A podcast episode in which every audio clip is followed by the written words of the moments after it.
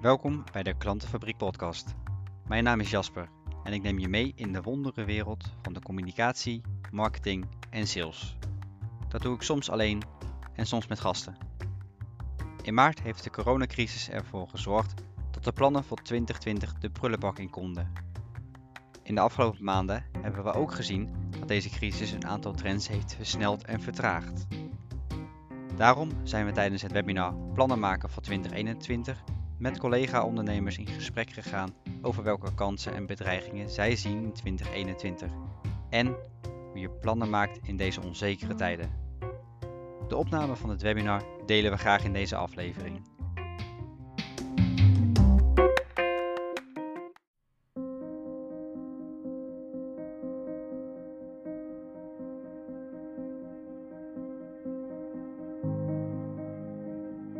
Goed kijkt, uh, ziet dat de crisis natuurlijk sommige trends heeft versneld en andere weer, trends heeft afge afgebroken. En daarnaast staan, zijn er uh, los van de actualiteit en los van de crisis, zijn er een aantal trends al zichtbaar die, die al voor de crisis zijn ingestart. En deze hebben invloed op de positie van Nederland in de wereld en natuurlijk onze ondernemingen in de samenleving. Uh, welke trends zien we op dit moment? Maya, welke trends zie jij?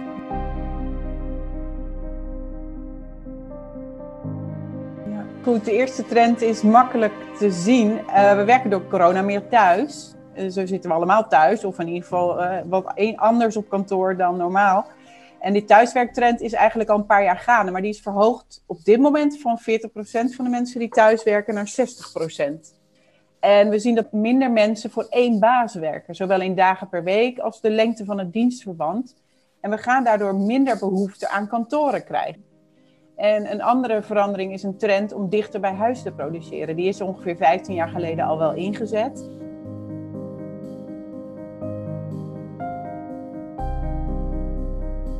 Nou, wat ik zelf merk is dat uh, mensen weer kijken waar hun eten vandaan komt. Dus uh, uh, ambachtelijk bereid eten, duurzaam enzovoort. dat is wel een trend die wij heel erg meemaken.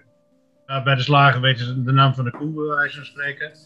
Ja. Uh, mensen uh, willen groente en fruit van telers uit de omgeving. En die trend zie je wel nu erg doorzetten. En die werd voor de crisis ingegeven doordat het inkopen en op voorraad houden van grote hoeveelheden producten een steeds groter risico met zich meebracht. Hè. Hierdoor kregen landen dichterbij en zelfs in Europa de kans om productie terug te halen. Die bijvoorbeeld 15 jaar geleden dus al nog in China of India werd geproduceerd. En een voorbeeld daarvan is um, een, grote speler is Philips. Uh, die een van de eerste was met scheerapparaten. Die eigenlijk uh, eh, 15 jaar geleden nog in China werden geproduceerd. Maar nu deels door robotisering in Nederland uh, worden gemaakt. Ja, daarnaast zien we een trend dat de overheid weer meer marktmeester wordt. Uh, we hebben een uh, hele periode gehad waarin uh, de vrije markt het voor het zeggen kreeg. En dat heeft toch een paar perverse effecten gehad. het bewustzijn dat er grote bedrijven zijn die, die ongecontroleerd een belangrijke rol spelen in onze samenleving, die groeit op dit moment. En als we die trend doortrekken, dan zou je kunnen voorspellen dat tussen nu en tien jaar er meer ruimte gaat komen. Met name de Europese Unie, die maakt zich sterk voor een gelijk speelveld. Um, vooral voor aanbieders van grensoverstijgende diensten. Denk aan telefonie, denk aan um, energie enzovoort enzovoort. Op middellange termijn heeft dat positieve gevolgen voor het Nederlandse MKB en voor de Nederlandse business-to-business ondernemingen, omdat er als het goed is wat meer een level playing field ontstaat. Daarnaast is de overheid ook actief als investeerder, Jasper.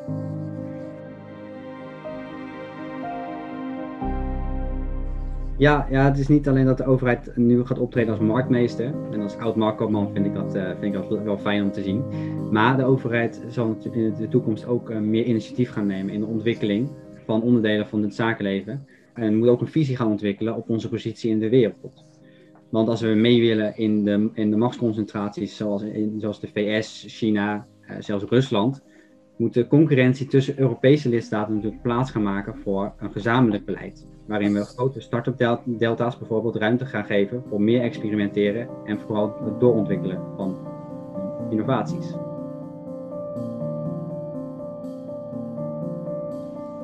Eh, de Nederlandse overheid heeft daarvoor al een innovatiefonds opgericht en die beslaat al 11 miljard voor nieuwe initiatieven. Is eigenlijk dat uh, voordat uh, die fondsen of de effecten van die fondsen bij het MKB terechtkomen, dat die uh, bij de, de grote vraagpartijen in Nederland dan allemaal al verdampt zijn, zodat wij er absoluut geen positief effect voor hebben. Volgens mij is daar de drempelwaarde ook behoorlijk hoog. Hè? Dus volgens mij moet je minimaal, met een projectinschrijving van een miljoen euro komen dan, om pas überhaupt deel te komen, deel te kunnen nemen aan het, aan het subsidierecht. Ja, en dat is, die zorg deel ik met jou. Ik denk dat die 11 miljard heel erg bij grote bedrijven terecht gaat komen. En wat minder bij het MKB. Dat vind ik een aandachtspunt.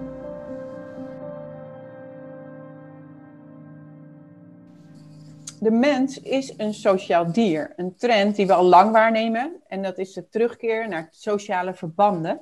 En het is een van de redenen dat social media zo'n vlucht kon nemen. Wat ook weer handig de behoefte aan individuele erkenning koppelt aan een sociaal netwerk. We mogen aannemen dat deze zoektocht naar verbanden na de crisis verder toeneemt. De samenleving geeft mensen ook vastigheid. En een van de gebieden waar dat grote impact op gaat maken is de arbeidsmarkt. Um, alleen de behoefte van werkgevers gaat uit naar flexibiliteit en de behoefte van werknemers gaat dus in dergelijke een situatie als deze uh, steeds meer uit naar vastigheid.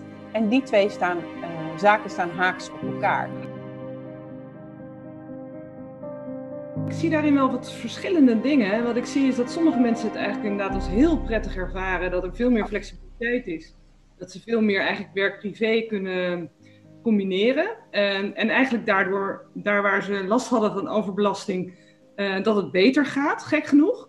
Uh, daar waarbij een hele andere groep het alleen maar toeneemt, omdat ze het heel moeilijk vinden om uh, het goed te begrenzen, uh, duidelijk kaders te stellen, te weten van hè, mensen die bijvoorbeeld in hun slaapkamer aan het werk zijn, dus werk en privé helemaal niet meer uh, kunnen scheiden.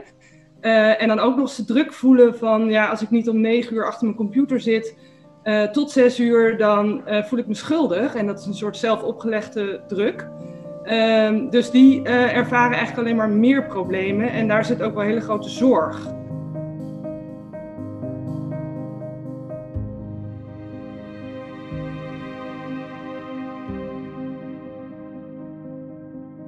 Nou, ik herken wel wat Mandy zegt. Niet zozeer van die druk van 9 tot 6 achter de computer moeten zitten, want die leggen we ook niet op en dat hebben we echt, wel, uh, echt nadrukkelijk gecommuniceerd. Maar je merkt dat mensen gemaakt zijn om uh, met elkaar te werken en dat daar best wel veel mensen last hebben om nu alleen ergens te zitten. en zeker jongere mensen die, die nog ergens in een opleidingstraject zitten binnen, binnen de organisatie dat is best lastig.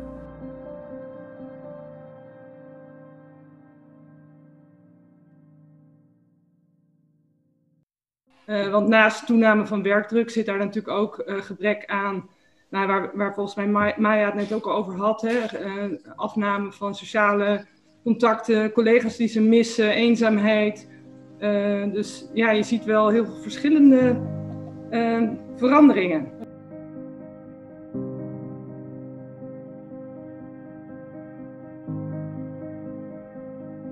De komende jaren blijft het aanbod van goedkope arbeid toenemen en dat gaat ook pas dalen als de welvaart wereldwijd beter wordt verdeeld.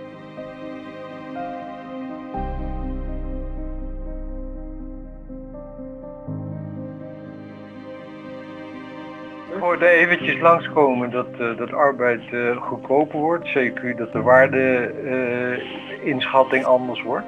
Ja. Maar het is, het is natuurlijk wel zo dat met name als ik kijk naar de IT, dan zie ik de tarieven alleen nog maar omhoog gaan in plaats van omlaag gaan. Tarieven dat die echt omhoog schieten in de IT-branche kan ik vanuit onze ervaring niet zeggen. Ik merk ook wel dat uh, bijvoorbeeld de Philipsen van deze wereld um, daar wel over aan het nadenken zijn. Die hebben de afgelopen jaren uh, natuurlijk altijd gezegd: nee, dat gaan we doen. We gaan heel veel offshore doen. En hetgeen wat we uh, gewoon on-site doen, dat willen we goedkoper. En dus doen we dat via dat soort partijen. Maar ik merk zelf wel dat ze langzaamaan zich achter de oren aan het krabben zijn uh, in de praktijk van, oh, niet helemaal wenselijk.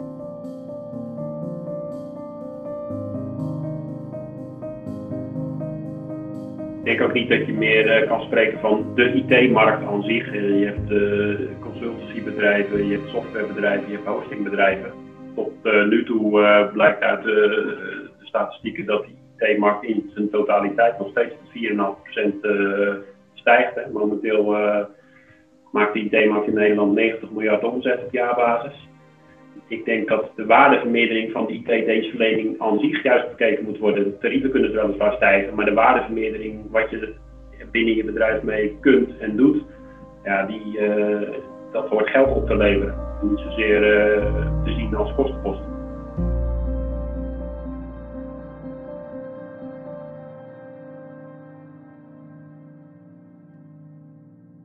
We eindigen dit stukje natuurlijk met uh, trends der trends de klimaattransitie. Um, want als we het klimaat niet onder controle krijgen, is onze rol over een paar honderd jaar helaas ook uitgespeeld op deze planeet. Maar dit is geen nieuwe trend. Het begin, deze trend kan je eigenlijk terugkijken naar 1972. Toen was het voor het eerst dat wetenschappers collectief aandacht vroegen uh, voor de problemen die een groeiende consumerende mensheid veroorzaakt. Uh, maar we zien natuurlijk wel dat het in de laatste jaren in een stroomversnelling is geraakt, doordat de uitdagingen groter worden.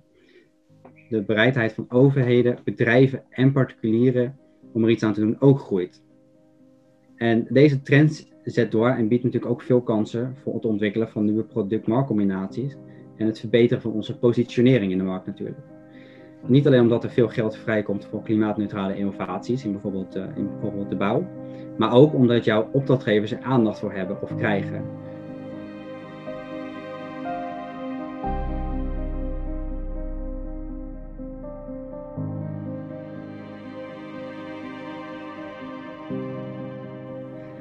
Uiteindelijk zullen ook overheden hard gaan ingrijpen met milieubelastende activiteiten verbieden. Dit biedt natuurlijk ruimte voor de groei van substituten. de meest manifeste die we, daarin op, die we daarin op dit moment zien is natuurlijk de energietransitie. Uh, maar er zijn op alle vakgebieden trends naar meer duurzaamheid te zien. Dus, dat is, dus je kan in diverse branches, kan je diverse maatregelen nemen om daar toch een, uh, ja, om, om toch beter te positioneren en toch boven je concurrentie uit te komen.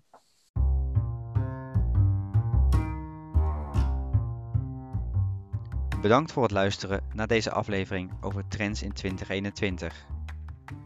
In het bijzonder wil ik bedanken Peter van Driel van Puur Chocolade, Egbert van Wely van Jobmatch Factory, Richard Vermeer van Astericité, Mandy Ooslander van Presteren in Balans, Peter de Boer van Drie Bergen Accountants en Elise van Bokstel van InSync.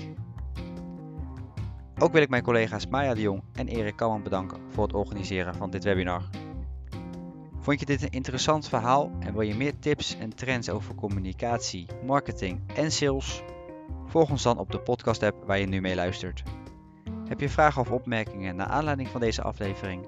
Stuur deze dan naar jasper.klantenfabriek.nl Dit was de Klantenfabriek podcast. Tot de volgende.